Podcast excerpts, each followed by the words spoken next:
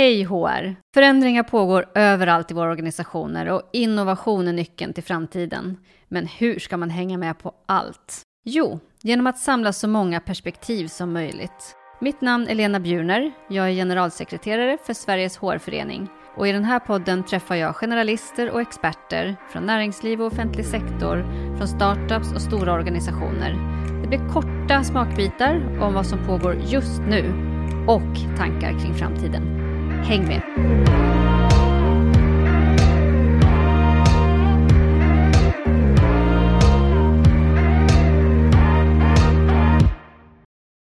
Hej och eh, varmt, varmt välkommen till Hej HR!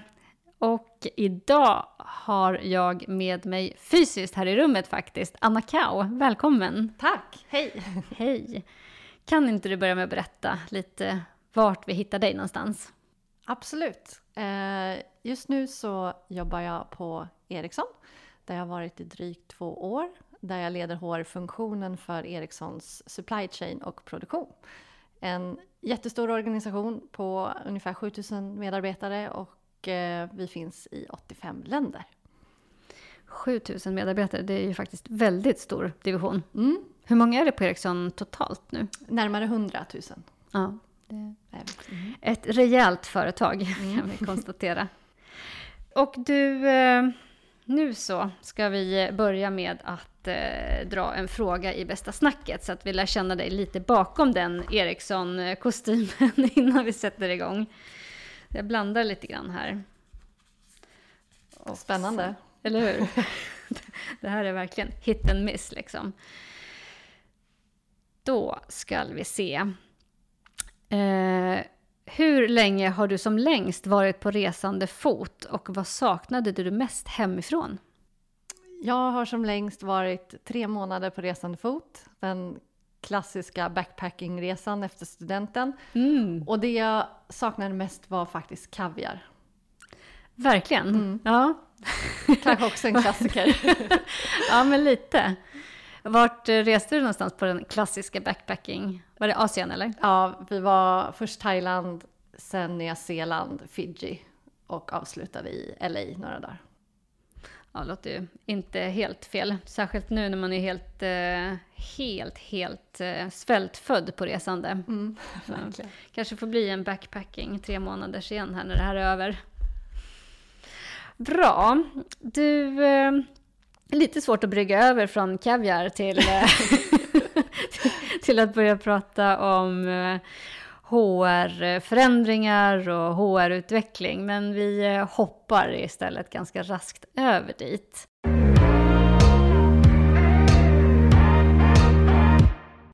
Vad är det som händer hos er på Ericsson och då specifikt där, där du jobbar just nu? Ja, men det händer ju otroligt mycket med den teknikutvecklingen som sker i världen just nu och har skett de senaste åren.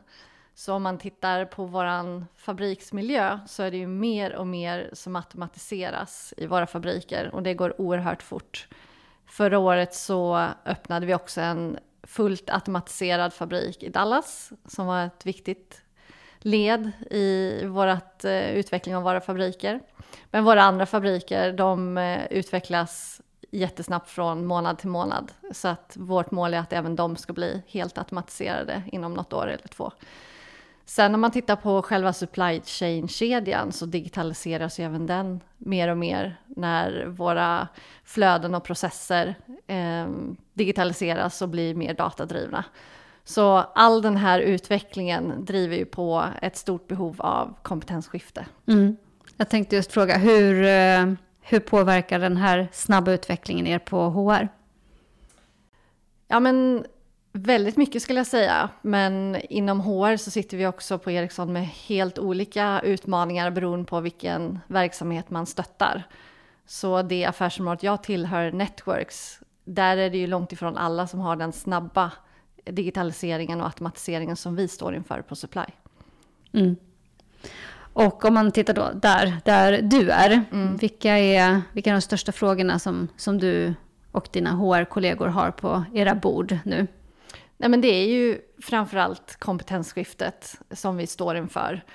Och eh, jag började ju på Ericsson för två år sedan Och redan då så var det en ganska springande punkt, någonting som vi snabbt behövde ta tag i. Men ska jag vara helt ärlig så hade jag väldigt mycket huvudbry tillsammans med mina kollegor om hur vi skulle ta oss an detta. Så efter många månader av kliande i, i håret så landade vi till slut i hur vi skulle angripa detta. Och då började vi med att helt enkelt titta på vad är det för kompetensbehov vi har kopplat till vår supply-strategi 2025. Mm. Och vad betyder detta i termer av kompetenser och färdigheter som vi behöver i vår organisation. Så vi började med att göra den mappningen med, med varje enhet i supply och fick ganska snabbt en bild av att det är många nya kompetenser och färdigheter som tillkommer. Mm. Um, men också väldigt många av våra jobbroller som vi på sikt ser kommer gå ner drastiskt i uh, efterfrågan och volym. Men också många jobbroller som till följd av digitaliseringen behövde förändras i sin natur. Mm. Så det var första steget vi gjorde. Och va, när var vi i tiden då, när ni gjorde den här mappningen? Det här var i februari förra året. Mm. Så det var ja, men som fem år framåt som ni blickade? Ja, mm. precis. Och efter att vi hade gjort det här då så kopplade vi eh, headcount till den här kompetensplanen, eller workforceplanen som var kompetensbaserad. Och eh, där vi helt enkelt mappade upp hur många av de här jobbrollerna ser vi eh, volymmässigt av. Men sen behövde vi gå tillbaka och titta på de jobbrollerna som vi faktiskt har nu. Eh, de behövde vi uppdatera, se kan vi lägga till färdigheter och kompetenser i de här jobbrollerna. Vilka jobbroller är det som vi helt enkelt behöver ta bort? Mm. Eh, och vilka jobbroller ser vi kanske kan transformeras in i en ny typ av jobbroll? Och med den analysen gjord så fick vi sätta oss och göra en gapanalys då. Ja, men vad, vilka av de här jobbrollerna ska vi ta oss an? Mm. Och då såg vi ganska tydligt att vi hade två enormt stora jobbroller som vi genast behövde sätta ett upskillingprogram för. Mm. Där vi tillsammans med chefer i verksamheten har eh, haft olika workshops för att få fram vad är det nu då vi behöver lägga till eller också unlearn. Mm vad är det vi behöver sluta göra i de här rollerna? Och sen som jag sa, det var många jobbroller också som helt har tillkommit, som vi inte haft innan. Och eh, där har vi satt upp flera upskillingprogram. Mm.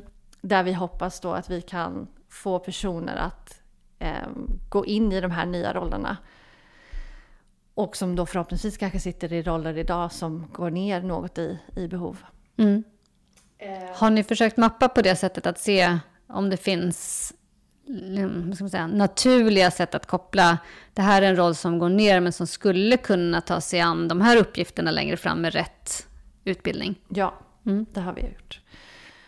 Eh, men det är också svårt, framförallt om vi tittar på vår fabrikssida. Där är det ju väldigt mycket blue collars som idag arbetar. Men blir en fabrik mer och mer automatiserad, då är det ju en annan typ av kompetens vi behöver. Eh, ingenjörer.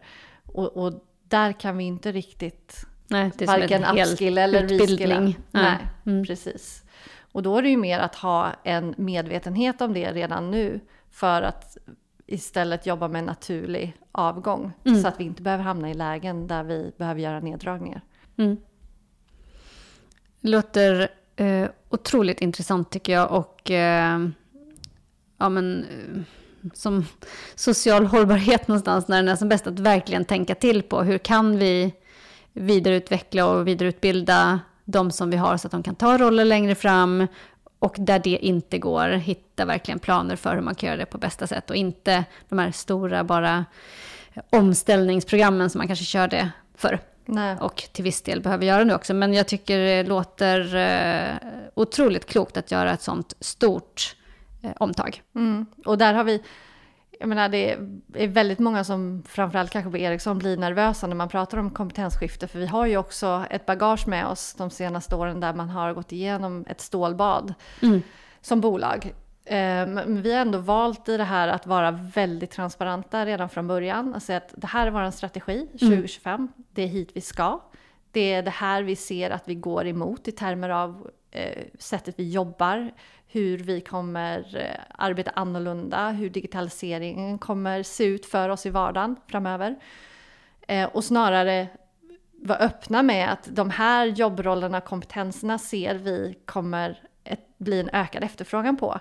Och de här kompetenserna och jobbrollerna ser vi kommer gå ner, kanske inte nödvändigtvis försvinna, men gå ner i behov och också vara jättetydliga med de programmen som vi nu lanserar. Här är möjlighet att ta program för, för upskilling, för våra största jobbroller, för att fortsätta vara relevant och inte hamna i läget när vi väl har när jobbrollen väl sitter i vardagen och har helt gått igenom sin transformation, att man då verkligen har hängt med och klarar av det skiftet. Mm. Men också liksom de här upskilling-programmen för de nya rollerna och det har väckt ett enormt stor nyfikenhet och intresse, eh, tack och lov. Eh, och våran Head of Digital Acceleration, han blev efter ett eh, All Employee Meeting eh, ned, eller liksom överöst med massa mejl på folk som var intresserade av att vara med i hans team och den här resan som vi nu gör. Mm. Så där försöker vi stötta så mycket vi kan. Jag tänkte just fråga, vad har responsen varit från från medarbetare generellt när ni har kört en så transparent öppen eh, eh, plan?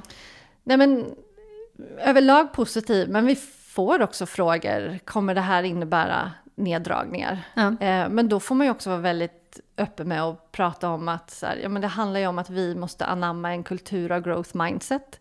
Vi måste ha en nyfikenhet av att vilja lära oss nya saker och så länge vi gör det och så länge vi är proaktiva med vart vi tror att vi befinner oss om fyra, fem år så ger vi också människor en chans redan nu att ta ansvar. Eh, samtidigt som vi som bolag tar ansvar med att förse med, med möjligheter att faktiskt hålla sig relevant mm. i sin kompetens. Men sen ska vi inte glömma att eh, kurser och, och sådana här stora program som vi nu lanserar, det är ju långt ifrån eh, framgångsfaktorn för att eh, bygga ny kompetens och nya färdigheter. Så därför har vi också sett ett behov av att lansera ett mer jobbrotationsprogram. Mm. Eh, vi har också utmaningen med att man trivs väldigt, väldigt bra, som man har varit oerhört länge, inte bara på Ericsson men kanske också i befintlig roll. Så vi har låg eh, rotation på öppningar, vilket också hämmar oss. Um, så att nu kommer vi efter sommaren att lansera ett globalt virtuellt jobbshadowing eller jobbrotationsprogram där man i upp till tre månader kan byta jobb med en kollega inom supply var som helst i världen. Självklart måste cheferna godkänna detta, men där vi inte behöver flytta lönekostnader. Okay. Så där mm. har vi tillsammans med Finans säkrat att hur gör vi detta möjligt mm. i så stor utsträckning som möjligt. Och det här hoppas jag verkligen kommer göra att personer som kanske har suttit länge och kanske inte riktigt kanske vågar söka en ny typ av tjänst efter en sånt här rotation på tre månader kanske blir nyfiken och därav faktiskt vilja röra på sig. Men chefer som också säger idag att man värdesätter eh, vad vi säger end-to-end kunskap eller att man har kunskap från andra delar i vår organisation men i skarpt läge kanske ändå safe safear med. Safeguard. Ja men precis, rekryterar en person med rätt kompetens. Med ett sånt här program kanske de faktiskt får insikt i att det går. Mm. Och det kanske eh, tillför Och det kanske värde. tillför mm. mervärde. Mm. Um, så att det ska bli jättespännande att följa dels hur många som ansöker, uh, men sen också vad vi får för feedback, både från de som gör rotationen, men också för ansvariga chefer. Mm, jättespännande. Du, eh, vilka kompetenser har varit svårast att både liksom hitta kanske och utveckla internt, eh, men också som ni ser svårast att attrahera? Eh, det är definitivt business analyst, data mm. scientist mm. och product owners. Men där eh, har vi nu satt upp ett Product Owner Leadership Program där vi eh, hoppas att personer med potential för sådana här typer av roller kan ansöka och under nio månader eh, ta sig igenom det här programmet förhoppningsvis stå färdiga att ta en Product Owner-roll. Men eh, jag tror också att med dem, om man tittar på Ericsson central så sätter vi nu upp enormt stora gedigna program för att bygga just datakunskap. Så att där tror jag att vi i större utsträckning har möjlighet att faktiskt upskilla personer in i det här för att det är otroligt mycket smarta människor i organisationen. Och ska vi vara ärliga på den externa talangmarknaden så är det de här rollerna som många bolag idag sitter med och också behöver rekrytera ja. nytt in i bolaget, precis som vi behöver ja. göra. Precis, det är väl just det som är att alla behöver nästan den där typen av eh, kompetens, vilket blir den svåra faktorn. Och, mm. eh, allt fler behöver nog tänka som ni gör då, att faktiskt hitta sätt att utveckla den själv i den mån man kan. Mm. Du, eh, vilka är de största hot respektive möjligheterna som du ser i det här som ni nu är mitt uppe i? Ja, men det är nog komplexiteten med att vi finns i 85 länder och vi är 7000 medarbetare. Det är inte helt lätt att managera facken i många europeiska länder. Um, Nej. Den, eh, men vi sitter, vi har en jättebra dialog. Vi har månadsmöten med våra fackliga representanter i Sverige där vi håller en jättetransparent dialog med vad vi planerar, vad vi gör. Mm. Eh, de får möjlighet att ge input på de här eh, re and upskilling-programmen, tycka till om job rotation-programmen. Så att vi har en jättebra dialog. Mm. Och det hoppas jag på grund av att vi är så transparenta så tidigt i processen. Ja. Ja, och någonstans i slutändan så har man ju samma mål, att det här ska bli en framgångsrik förändring och eh, kunna säkra så många arbeten som möjligt, tänker jag. Absolut. Mm. Mm. Bra, och möjligheterna? Möjligheterna? För jag misstänker att det där var utmaningarna. absolut, absolut. Nej, men möjligheterna är ju definitivt att det kommer upp nya, eh, nya roller, nya karriärmöjligheter. Um, tidigare så har det ju varit en tradition av att man gör kanske karriär mer genom att du behöver ta en, en chefsposition. Men när vi nu eh, går in i en mer agil produktdriven organisation så kan du ju också ta tyngre roller men vara product owner till exempel som är en typ av ledarroll men ändå inte formellt personalansvarig. Så att det öppnar ju upp för olika typer av karriärvägar mm. med, med den organisationsmodell vi nu går emot. Spännande. Ja, hade vi eh, mer tid så skulle jag gärna lyssnat in mer kring själva modellen också. Vi får ta det i ett uppföljande mm. avsnitt någon gång.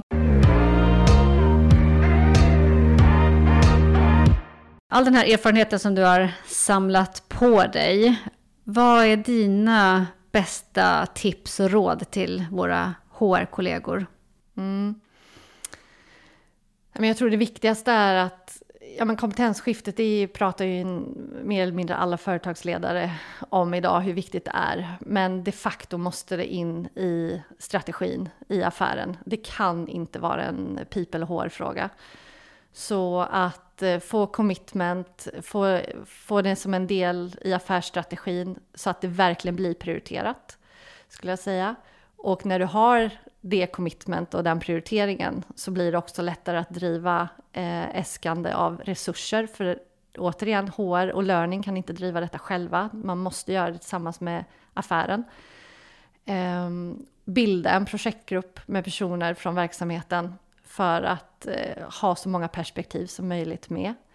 Och sen verkligen vara öppen och transparent. Vänta inte med att kommunicera när man känner att man kan ha lite mer eller större grejer att kommunicera, utan var öppen redan från början, avdramatisera. Var hellre ute i för god tid, eh, så folk känner att vi har tid på oss. Mm. Jag förstår vad som ska hända. Ja, jag förstår vad som mm. ska hända. Jag vet vart vi är på väg. Mm. Bra tips. Och eh, när vi nu är inne på tips så Jag vill ju väldigt gärna också ha tips eh, från dig kring hur du tycker att eh, vi som Sveriges hårförening kan utvecklas och kanske hjälpa dig och eh, dina kollegor på bästa mm. sätt. Ja, men jag såg faktiskt eh, er nyhet om People Insight Lab ja. eh, här tidigare i veckan. Och det tror jag verkligen är ett jättebra forum. För att när jag satt där för något år sedan och hade huvudbry och magknip över hur vi skulle ta oss an det här så hade jag verkligen behövt andra bolag i liknande storlek eller karaktär att prata med. Hur gör ni? Eh, har ni några tips och idéer? Alltså, eller tillsammans ja. eh, brainstorma kring hur man gör detta. Och jag, även om vi nu har kommit en bra bit på väg och har en bra plan som jag känner mig väldigt trygg med så känner jag fortfarande att jag gärna skulle vilja ha andra bolag att bolla med. Kul, för vi är också jättepassionerade över det här med People Insight Lab faktiskt. Eh, just att det är så många stora frågor som eh, vi kämpar med allihopa inom HR. Och det finns, ja, det finns rapporter, det finns material, det finns grejer. Men eh, om man nu kan samla det och sen samla människor som vill fundera och verkligen borra sig ner i det här och testa lite hypoteser och diskutera tillsammans för att sen komma fram till någonting som man sen kan sammanställa som, som alla andra kan få ta del av. Vi tror ju också väldigt mycket på det. Mm, jag med. Ja, vad bra. Så sätt upp något om kompetensskifte. Så. ja, jag noterar det. Vi, eh, vi har ju börjat med två till att börja med för att eh, vi ska lära oss också längs med vägen hur, hur vi gör det här på bästa sätt. Så att nu är vi ju igång med ett kring hälsa och eh, hur vi egentligen designar arbetena för att, för att sätta hälsa i fokus. Ehm, och sen ett kring lärande och hur vi, hur vi ser till att skapa ett ett livslångt lärande på riktigt i våra organisationer. Mm. Så kompetens, yes, vi mm. skriver upp det som ett önskemål och eh, när vi har lärt oss från detta så kan vi dra igång ett sånt. Mm. Kul! Du, eh, tack så jättemycket, det var jätteintressant tycker jag, eh, det som du har berättat. Jag sitter verkligen och, och eh, funderar på det och tänker så många som eh, kan ha nytta av att förstå lite hur ni har tänkt och hur ni har gjort och så. Och om man skulle vilja komma i kontakt med dig, om man har frågor eller vill diskutera någonting med dig, hur gör man bäst det? Pinga mig på LinkedIn. Eller skicka mig ett mejl. Ja, och vilken är mejladressen? An Anna.kau.eriksson.com. Tusen, tusen tack Anna, det var superintressant. Tack för att jag fick vara med.